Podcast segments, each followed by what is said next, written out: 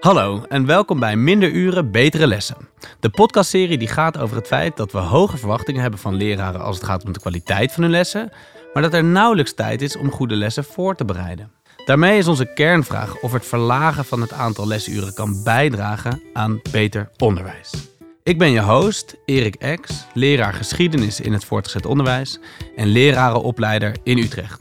En mijn vaste gast is uh, weer Marco Snoep, uh, lector leren en innoveren aan de Hogeschool van Amsterdam. Welkom Marco. Hi. In deze zesde aflevering kiezen we voor een weer een wat ander perspectief. In de vorige afleveringen zijn we telkens in gesprek gegaan met leraren en schoolleiders uit de praktijk en met experts uit de wetenschap. Daarbij ging het vaak over leraren en wat zij nodig hadden.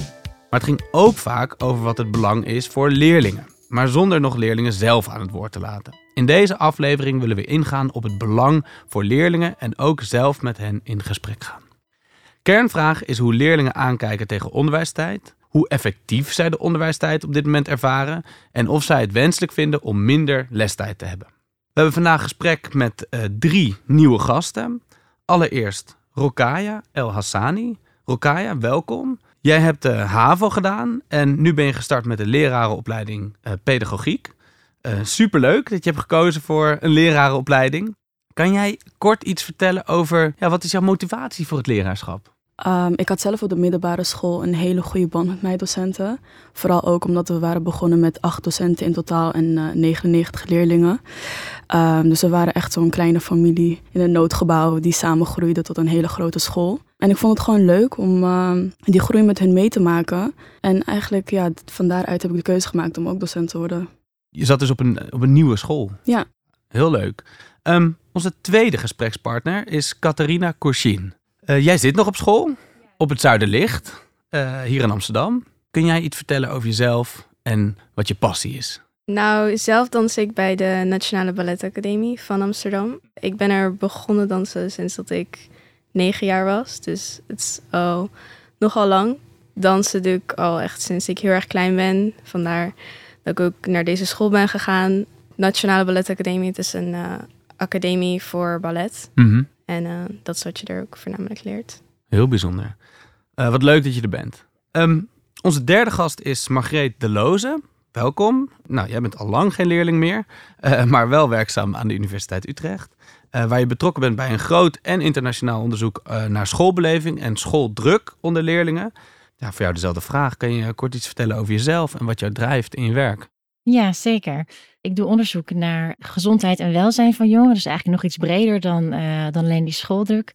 En wat mij drijft, ja, ik, misschien is het leuk om te vertellen. Afgelopen september hebben wij de resultaten van ons laatste onderzoek gepresenteerd. Waar onder andere uitkwam dat de schooldruk erg hoog is onder jongeren. Maar daar gaan we het straks wel over hebben. En wat we toen hebben gedaan, is het was een heel groot symposium, omdat we, de studie 20 jaar bestond. En wij hebben toen de resultaten voorgelegd aan jongeren zelf. Want het onderzoek dat we doen is via vragenlijsten. En we zijn toen naar scholen gegaan en we hebben aan jongeren gevraagd: herkennen jullie dit nou? En wat zijn volgens jullie de oorzaken van wat wij vinden? En wat moet er nu gebeuren in Nederland? En jongeren zijn ook op dat symposium geweest. En zij konden dat zo goed verwoorden. En zij hadden zulke goede ideeën. En dat was een publiek waar onder andere koningin Maxima was.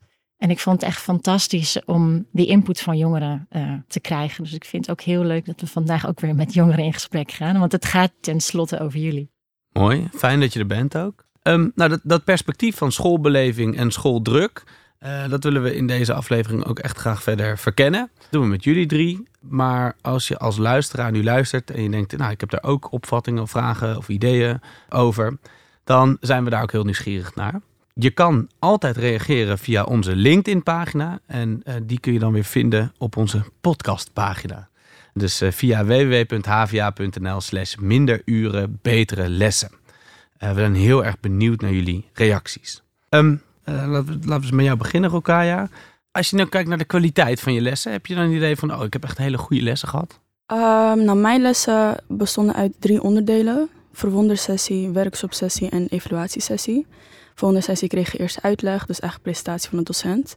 Tijdens de workshopsessie uh, ben je gewoon zelfstandig aan het werken of met je klasgenoten en de docent is er natuurlijk ook bij. En bij de evaluatiesessie ga je gewoon de lesdoelen na, kijken of je ze behaald hebt en uh, wat we de volgende les gaan doen. Um, dus ik vond het gewoon een, een hele praktische instelling. Van een heel duidelijke structuur ja, eigenlijk. Ja.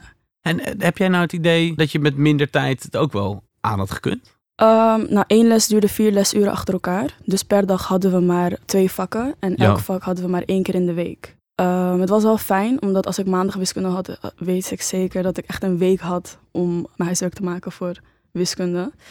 Dus dat was wel fijn. Alleen de workshop-sessie was wel heel lang. Dat waren echt twee lesuren. En af en toe had je wel eens dat je wel klaar was. En dan had je niet veel meer te doen. Dus je moest gewoon bezig zijn en je kon zelf een beetje inrichten ja, welk vak je precies aan het doen was. Ja, Dus dan kan je het ook een beetje zelf uitzoeken. Ja. Ja. Oké. Is, is, is dat niet heel ja, langdradig dat je vier uur lang datzelfde vak hebt? Of vind je het juist wel leuk om daar eh, nou, de tijd voor te nemen en te concentreren? Want in een heleboel scholen is dat natuurlijk, ja, dan heb je een, een lesuur van één uur en dat is ja, 50 minuten of iets dergelijks. En dan ga je door naar het volgende, eh, volgende vak. Heb je enig, heb je voor jezelf een beeld van, god, ik eh, ja, had ik eigenlijk ook wel gehad willen hebben, die 50 minuten, eh, of liever die lange lessen? destijds wist ik niet beter. Ja. Dus ik, ja, ik wist ook niet. Tenminste, ik wist wel dat je een lesuur kon hebben van 50 minuten, maar ik wist niet hoe dat was. Eh, nu heb ik wel een aantal jaren stage gelopen. En ik zie echt bij sommige docenten hoe hectisch het is. Na 50 minuten heb je echt net uitleg kunnen geven en de leerlingen een beetje kunnen helpen. En dan gaan ze alweer weg en dan komt de volgende les. Dan begint de volgende les alweer. Dus dat had ik helemaal niet bij mij op school. Dus de docent had echt heel veel tijd om alles uit te leggen en te begeleiden en echt de leerling te helpen. En omdat je het maar één keer in de, in de week had, leek het ook niet veel. Want je hebt maar één keer in de week wiskunde. Ook al is het vier uur achter elkaar, wat wel een beetje lang klinkt. Maar ja, het is maar één keer in de week. Dus het was wel prima te doen eigenlijk. Interessant systeem.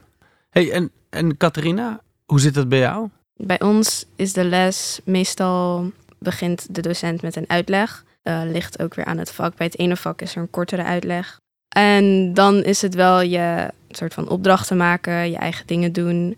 Maar dat, wordt, dat is niet heel streng bij ons, denk ik. Als je de opdrachten wilt maken, dan maak je die. Als je ze niet af hebt, dan is het huiswerk voor de volgende les.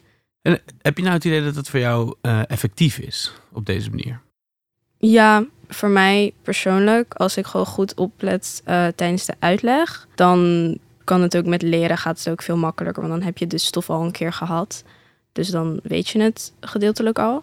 Maar als ik niet helemaal oplet of als ik niet helemaal actief bezig ben in een les, dan is het wel iets lastiger als we het hebben over daarna nog moeten leren voor toetsen Ja. en dat soort dingen.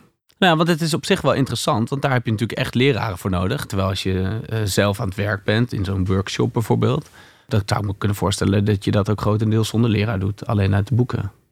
Klopt dat een beetje? Ja, de docent zit er wel altijd bij om eh, vragen te beantwoorden. Ja. Maar je kan er gewoon voor Voor als je kiezen om... stilvalt. Ja, je, je kan wel gewoon ervoor kiezen om eh, zelfstandig te werken, ergens achterin te zitten, dat niemand je stoort. Maar je kan er ook voor kiezen om aan een opdracht te werken die samen met een andere leerling is. Dus er is echt ruimte voor van alles. Ehm, ja, en dat, eh, dat vraagt dus inderdaad wel die, die discipline. En eh, ja, jullie zijn er vrij, eh, nou, lijken er vrij goed in te zijn. Eh, maar goed, de vraag is wel van, ja, als de hele school zo georganiseerd zou zijn, zou dat werken? Of zou je dan toch denken van, nou, voor een bepaalde groep is dat toch wel echt, echt heel ingewikkeld om, om zelf die discipline op te brengen? Ik heb daar wel iets op te zeggen. Ik zat op een iPad-school. En ehm, aan het begin, voordat de workshop-sessie begint, moet je ook echt naar de docent gaan en zeggen van ik ben van om dit en dit te doen, dit staat op de planning. En dan aan het einde, dan laat je het ook een beetje controleren dat je het hebt gedaan. Tenminste, zo ging het toen ik daar nog op school zat. Dus je wordt er wel een beetje op gecontroleerd. En de docent zit er natuurlijk bij, dus hij spreekt je ook wel aan.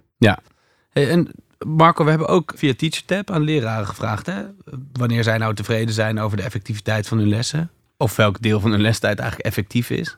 Ja, dat klopt. En wat me opvalt is in die, die Teachers App vraag die we gesteld hebben van nou, hoe, ja, hoe tevreden ben je eigenlijk over de effectiviteit van je les? En dat is eigenlijk de vraag van ja, als ik nou bezig ben met, met een groep leerlingen, ja, welke tijd is dan echt effectief? Of heb je toch het idee van nou ja, eh, er gaat wel veel tijd verloren omdat er bijvoorbeeld ordeproblemen zijn of omdat er andere dingen zijn.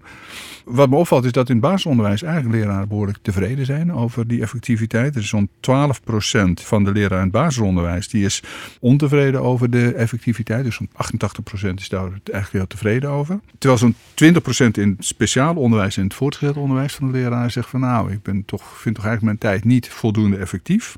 En in het mbo, middelbaar beroepsonderwijs, is bijna 35%. Dus dat is best wel, eh, best wel veel. ook gevraagd, ja, maar hoeveel tijd is dan effectief? Uh, nou, daar konden we allerlei categorieën aangeven. En zo'n 13% van de leraren in het basisonderwijs zegt van nou, effectieve leertijd van leerlingen is minder dan uh, 65%. In het voortgezet onderwijs is dat een kwart van de leraren. Uh, en het MBO bijna 40% van de leraren die zegt van nou, de effectiviteit is, ligt onder de 65%. Dus nou, dat is best een, uh, best een hoop, vind ik. En dat zeggen ze in het algemeen of over hun eigen lessen? Over hun eigen lessen. Het gaat over hun eigen lessen. Dus ik ben eigenlijk ook benieuwd naar jou, Erik, van hoe jij dat herkent in jouw eigen onderwijs.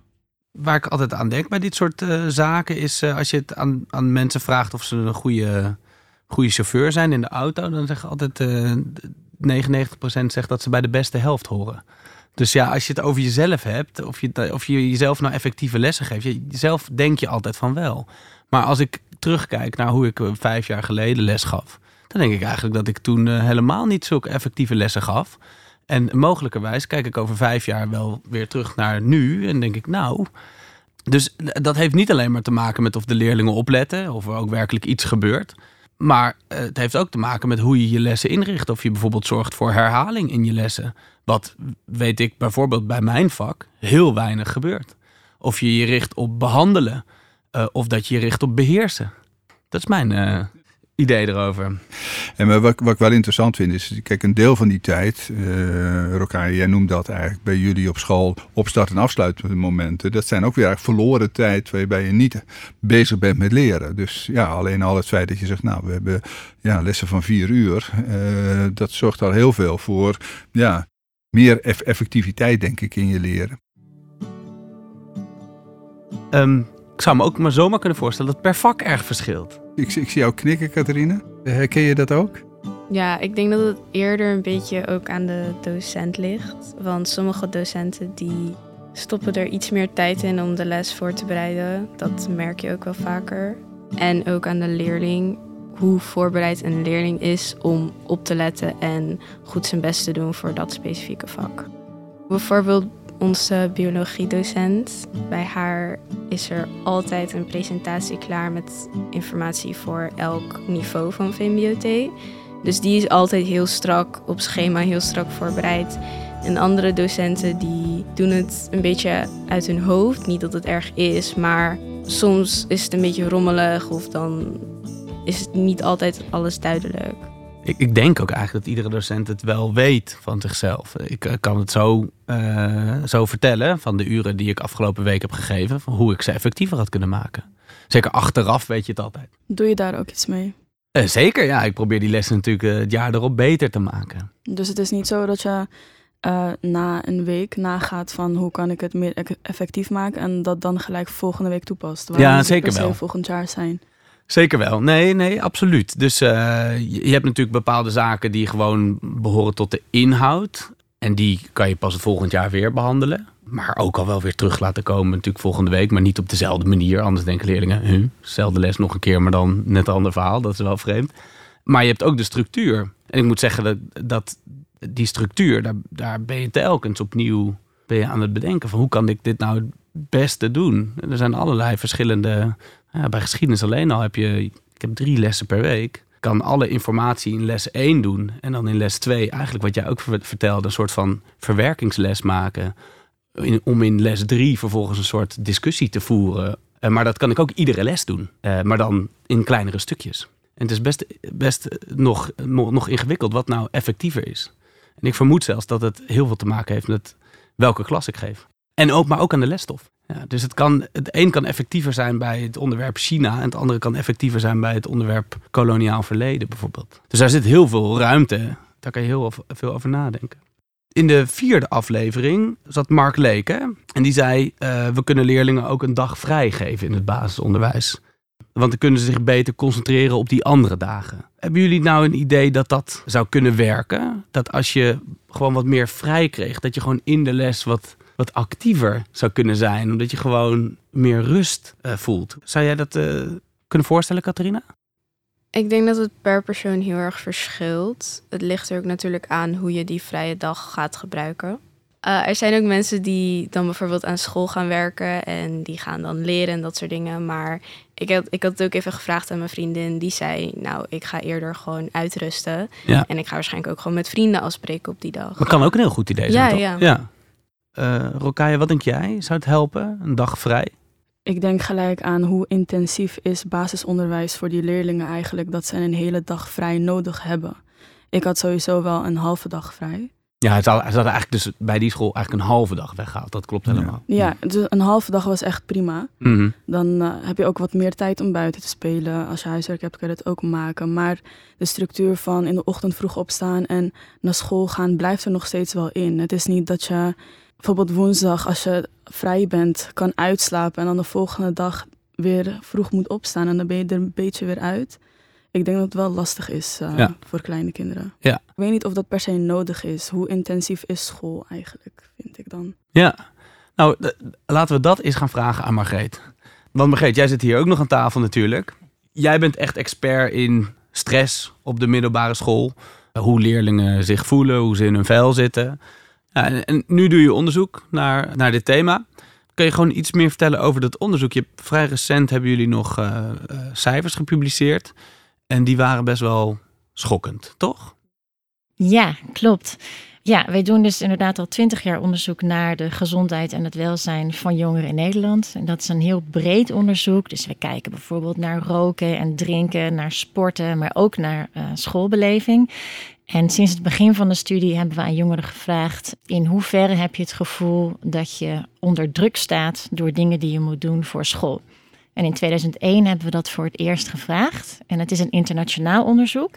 En toen, in 2001, bleek dat er geen enkel ander land in Europa was waar leerlingen zich minder druk maakten over hun schoolwerk. Er was toen 16% van de jongeren die zei: Ja, ik ervaar veel of nogal veel eh, schooldruk.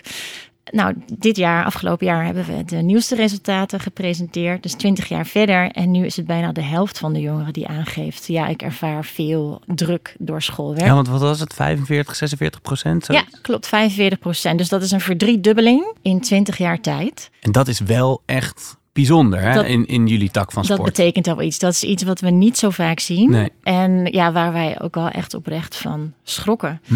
En eh, de, de- ja, eigenlijk vanaf 2009 begon het te stijgen. En in de, ja, tijdens corona is het eh, helemaal eh, verder gestegen.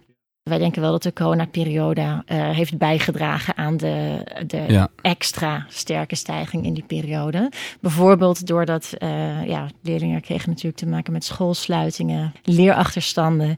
En als je het eh, belangrijk vindt om het goed te doen op school, daar zal ik zo iets meer over vertellen. Maar en dan loop je een leerachterstand op, dan voel je natuurlijk nog meer die druk om het wel goed te moeten doen op school. En hebben jullie ook gevraagd waardoor het komt dat leerlingen stress ervaren? Ja, nou we hebben allereerst zelf gekeken naar wat is er nu veranderd in de maatschappij waar het mee te maken zou kunnen hebben dat leerlingen ineens zoveel meer druk en stress ervaren dan twintig jaar geleden of, of vier, vijf jaar geleden. En wij zien wel een belangrijke oorzaak in het feit dat eh, jongeren, maar ook ouders en eigenlijk de maatschappij in het algemeen steeds meer belang zijn gaan hechten aan het goed doen op school. En dat zie je bijvoorbeeld in het feit dat steeds meer jongeren een hoger opleidingsniveau volgen. Je ziet het ook aan dat ouders steeds meer geld besteden aan huiswerkbegeleiding en bijles als ze het kunnen betalen. En op sommige scholen neemt excelleren ook echt wel een steeds centralere plaats in. En dat zie je bijvoorbeeld terug in de mogelijkheid om cum laude af te kunnen studeren. Sinds 2016 is dat mogelijk. Dus dat lijkt dat we te maken hebben met een cultuurverschuiving waarin we presteren heel belangrijk vinden. En als we het aan leerlingen vragen, leerlingen zeiden van we hebben het idee dat we eigenlijk constant de beste versie van onszelf moeten laten zien. Herkennen jullie dit? Ja, ik herken het wel een beetje, maar ik herken het eerder bij dans, bij ballet. Want ballet is ook een nogal heftige sport. Daar Ja. moet je echt helemaal perfect en strak zijn. Bij school, bij mijn school, merk ik het iets minder. Maar er zijn wel bijvoorbeeld docenten die veel van je verwachten. Terwijl het eigenlijk dan bijvoorbeeld niet altijd helemaal goed gaat. Of dan lukt het niet helemaal. Zijn de verwachtingen van docenten hoger geworden in de afgelopen twintig jaar? Uh, dat hebben we niet gemeten, maar ik vind het wel opvallend dat dus meer jongeren naar een hoger opleidingsniveau gegaan, terwijl er niet echt grote veranderingen op dat vlak in het curriculum hebben plaatsgevonden. Dat je zegt, oh ja, door die verandering is het logisch dat meer leerlingen nu op de haven of het VWO zitten. Dus het, het lijkt erop dat we als maatschappij gewoon misschien met z'n allen iets meer van elkaar verwachten heeft ook een beetje te maken met hoe we tegen onderwijs aankijken. We hebben het over hoger en lager uh, onderwijsniveaus of hoger en lager opgeleid. Ja. Dus ik kan me wel voorstellen dat die diploma-inflatie eigenlijk van ja, je moet zo hoog mogelijk scoren, dat die daar wel een belangrijke rol in gespeeld heeft. Maar Marco, dat is niet veranderd in de afgelopen twintig jaar, dat we het hebben over hoger en lager opgeleid. Sterker nog, daar hoor ik pas sinds de afgelopen jaren hoor ik daar kritiek op. Maar de waardering van het VMBO is wel minder geworden in de afgelopen twintig jaar, hebben wij het idee. Als ik met leerlingen praat, dan geven ze aan van ja, eigenlijk heb ik wel het gevoel, ook al zeggen bijvoorbeeld mijn ouders dat het helemaal niet zo is, dat het de bedoeling is dat ik een VWO-advies krijg. En dat begint dus al in groep 8 of in groep 7. En we hebben gesproken met leerlingen op verschillende schoolniveaus. Toen zeiden zelfs een aantal VMBO-leerlingen, die zeiden van ja, het doel is toch wel de universiteit. Terwijl eigenlijk hun toekomstbeelden, wat zij graag wilden en wat ze daarvoor nodig hadden, daar hadden ze helemaal geen universiteit voor nodig. En het zou ook heel slecht zijn voor Nederland als iedereen naar de universiteit gaat. Ja. Want we hebben juist een tekort aan vakmanschap op dit moment. Maar het VWO wordt heel erg gewaardeerd met het idee, daar moet je naartoe.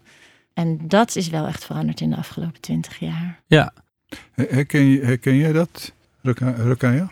Dat dus leerlingen wat hoger aan het grijpen zijn dan wat ze aan kunnen. Ja, ik zie het wel een beetje bij mijn nichtje. Die eh, zit nu net op uh, voortgezet onderwijs. En uh, die is heel erg aan het streven om VWO te doen, want ze zit nu in VMBO. HAVO.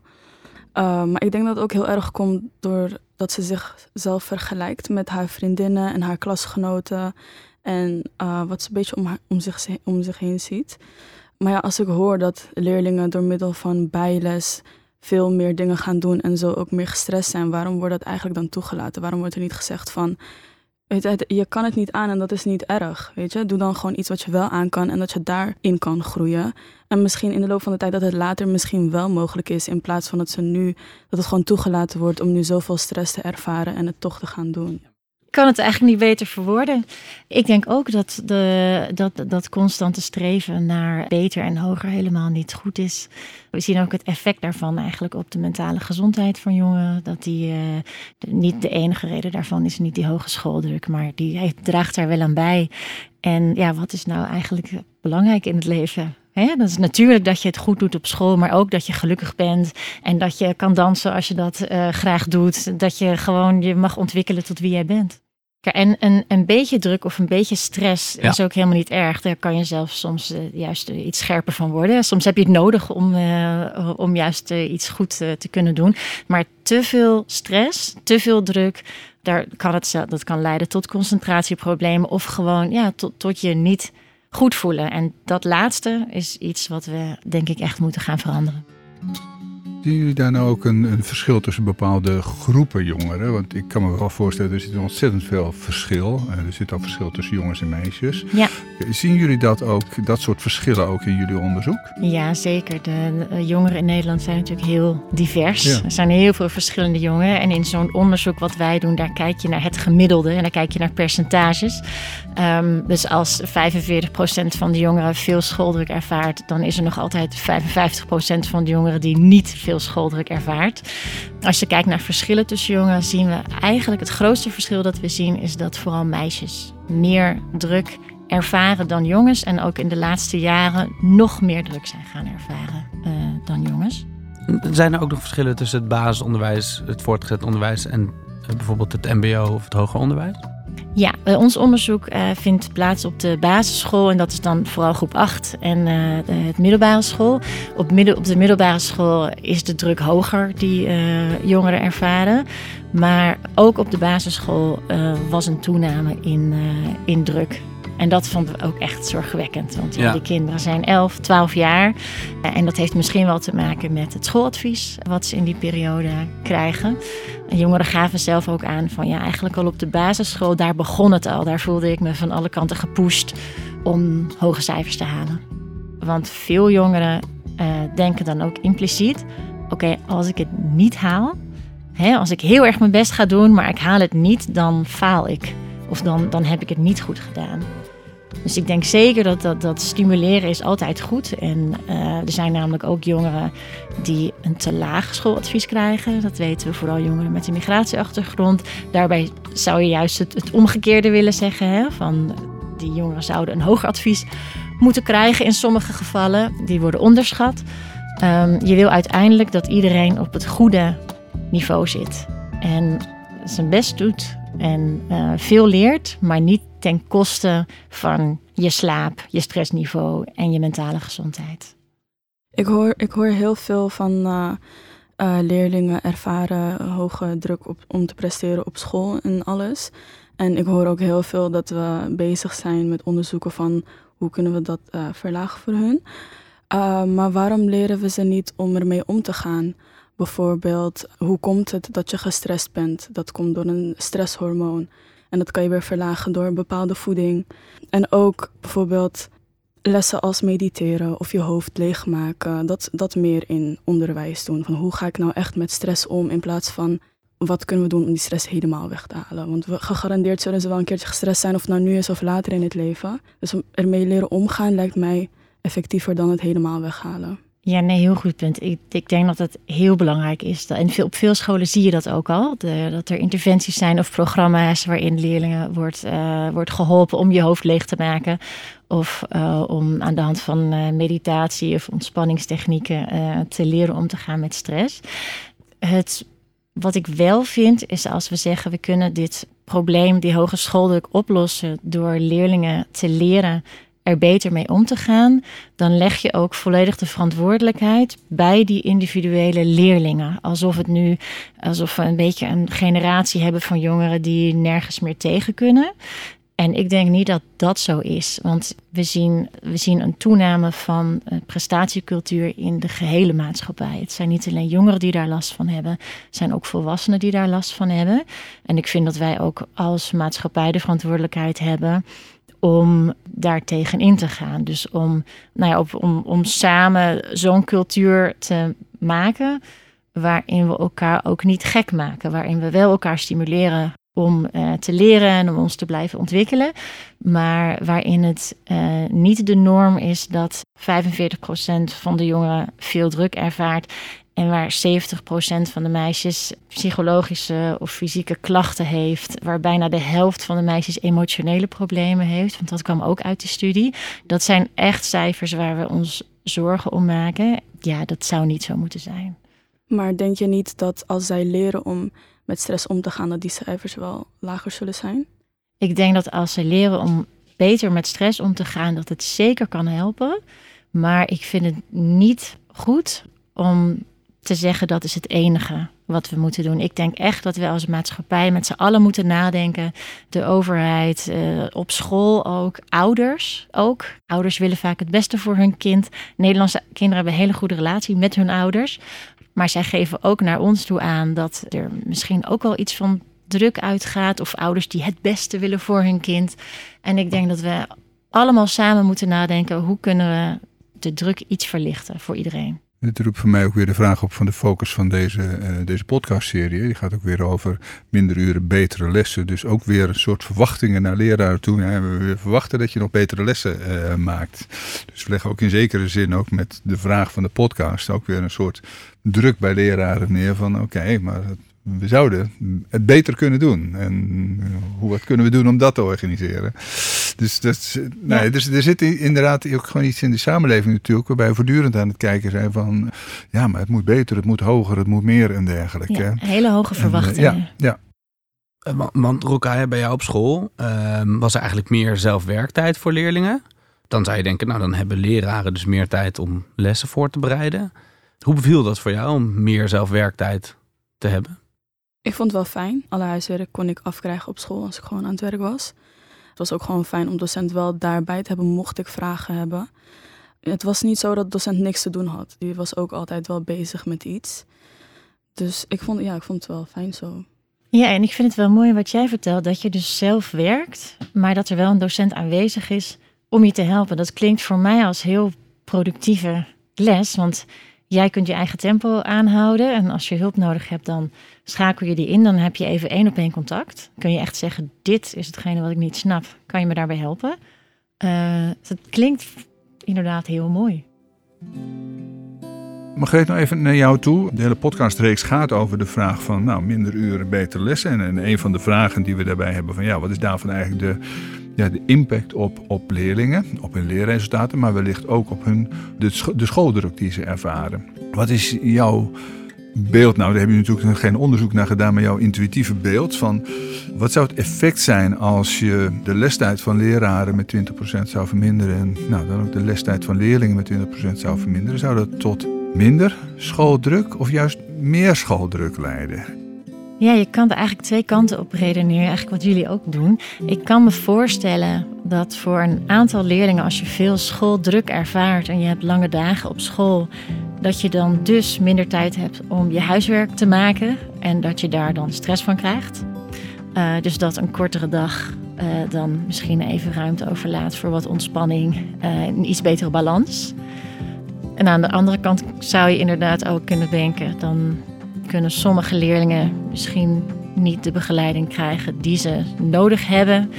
En ze voelden al die druk, dus dan geeft dat nog meer druk. Maar misschien een uurtje waarin leerlingen die dat nodig hebben, die extra ondersteuning zouden kunnen krijgen. Dat klinkt als een, eh, als een goed idee. Het is eigenlijk een beetje vergelijkbaar met de hele discussie rondom toetsen. Toen we aan leerlingen vroegen van uh, hoe moeten we die schooldruk nou verminderen, toen zeiden een paar van hen dat er wordt te veel getoetst. Moet er dan minder getoetst worden? En toen zeiden sommige leerlingen ja zeker. En toen zeiden anderen ja, maar dan hangt er zoveel af van die ene toets. Daar word ik pas gestrest van.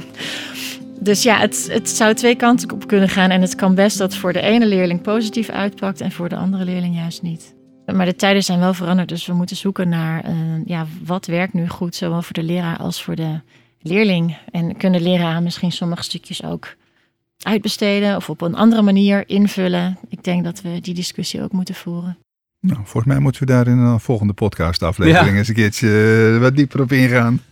Um, als het aantal lesuren nu minder zou worden, want we hadden het net al over het aantal toetsen, Margreet, wat zou, wat zou, je, wat zou je denken? Wat is er nodig om de schooldruk te verminderen?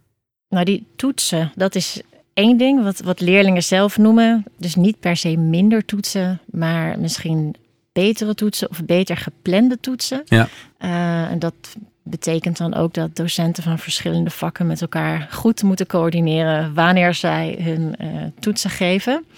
Daarnaast denk ik echt dat het belangrijk is dat we van het idee afstappen dat iedereen zo hoog mogelijk opgeleid moet worden. Ik denk dat, uh, dat zowel uh, voor jongeren moeten dat niet meer geloven, maar ook bij ouders zien we heel vaak dat die toch wel echt er alles aan willen doen om het beste voor zijn of haar kind te willen. En zolang wij geloven dat het beste voor je kind is een zo hoog mogelijke opleiding, zal die schuld ook niet minder worden. Dus ik denk dat we echt het eh, VMBO veel meer waardering moeten gaan geven. En dat we ervoor moeten zorgen dat jongeren zich kunnen ontwikkelen op hun eigen niveau. Um, Catharina, als jij onze luisteraars iets zou willen adviseren hieromtrent, wat zou je, wat zou je zeggen? Ik denk dat het belangrijk is om niet de leerlingen heel erg te pushen, want soms worden ze ook al gepusht door ouders of door andere mensen. Um, wat, wat, zou jouw advies zijn, Rokaya? Aan uh, leraren die luisteren? Misschien ook wel schoolleiders die luisteren? Uh, sowieso je lessen goed voorbereiden. Meer je lessen afstemmen op hmm. de leerlingen aan wie je het geeft. En meer duidelijkheid naar de leerlingen toe. Dus uh, van tevoren echt de planning uh, vertellen van oké, okay, we gaan uh, deze week hebben we het over dit, volgende week dat. En dan over twee weken bijvoorbeeld hebben we een toets. En dan weten zij ook van tevoren, oké, okay, over zoveel aantal ja. weken heb ik een toets. En dan kunnen ze er meer rekening mee houden in plaats van, ja jongens, hoofdstuk is afgesloten, dus ja, volgende week een toets. En dan, Want dit is een situatie die jij ook wel herkent. Dan, ja, ja. Um, we naderen het einde van dit gesprek. En dus is het tijd om te kijken naar wat dit gesprek precies oplevert. Ik ben heel benieuwd. Marcos, welke punten springen er volgens jou uit?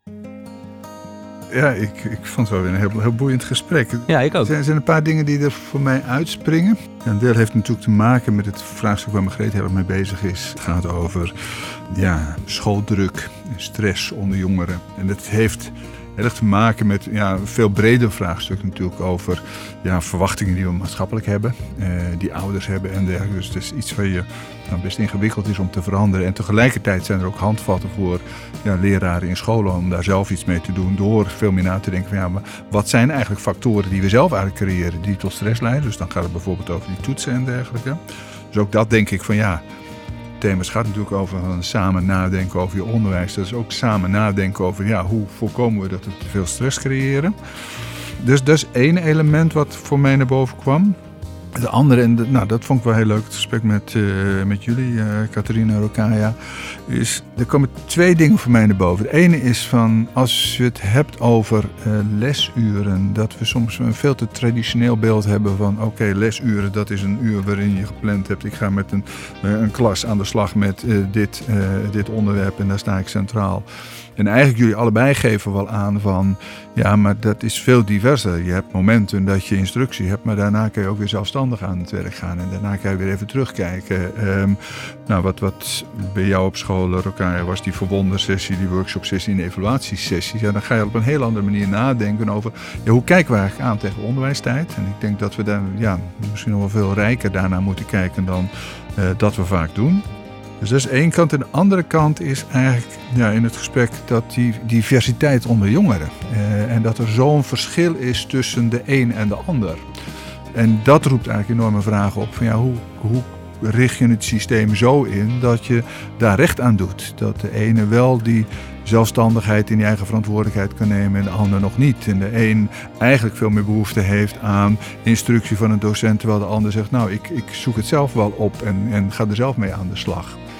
En zo hebben we het onderwijssysteem eigenlijk te weinig ingericht. Dat je ja, daar, daar verschil in kan maken. En dat, ja, dat roept voor mij dan ook de vraag op. Ja, we, we roepen natuurlijk in deze podcast hier voortdurend van ja, ik zou hier minder lesuren voor leraren willen hebben. 20% minder lesuren. Maar eigenlijk moet je dus heel erg kijken, maar wat heeft deze groep nou nodig en wat heeft die groep nou nodig? En daar zou wel eens hele verschillende dingen uit kunnen komen. En niet voor alle leerlingen van nou, we richten dat op deze manier in. Een dag minder naar school. Uh, en het, uh, zodat leraren meer tijd hebben om, uh, om aan hun onderwijs te werken. Dus ja, die genuanceerdheid maakt de oplossingen niet makkelijker. Maar ik denk wel iets dat het iets is om, om ja, toch beter nog over na te denken. Ik, ik ben benieuwd waar we dan heen gaan precies, de volgende aflevering. De volgende aflevering willen we toch nog wat, wat meer kijken eigenlijk naar dat, dat vraagstuk van verschillen tussen leerlingen. Ja, wat de ene leerling nodig heeft is anders dan wat de andere leerling nodig heeft. Dus nou, een van de, de, grote thema's is natuurlijk uh, in Nederland vraagstukken rond kansengelijkheid. Dus dat is een thema wat we volgende keer eigenlijk op willen pakken. Uh, met een aantal experts daarover. Uh, mensen die in contexten werken en in scholen werken waar een grote mate van diversiteit in leerlingen is. Dus dat is in elk geval een thema wat we willen oppakken. Ik ben heel benieuwd. we gaan het zien. Volgende aflevering. Ik denk dat dat weer een, een heel interessant nieuw perspectief kan opleveren. Uh, Rokaya, Catharina en Margreet, ontzettend bedankt voor jullie bijdrage aan deze aflevering van uh, Minder Uren, Betere Lessen. Deze podcast is mogelijk gemaakt door het Center of Expertise Urban Education van de Hogeschool van Amsterdam en geproduceerd met een subsidie van het Nationaal Regieorgaan Onderwijsonderzoek NRO. Je kunt je abonneren op dit podcastkanaal, zodat je automatisch bericht krijgt over de volgende afleveringen. dat kan je doen via www.hva.nl slash minderuren betere lessen of waar je deze podcast ook maar luistert. Ik ben Erik Ex en ik wens je nog een hele prettige dag.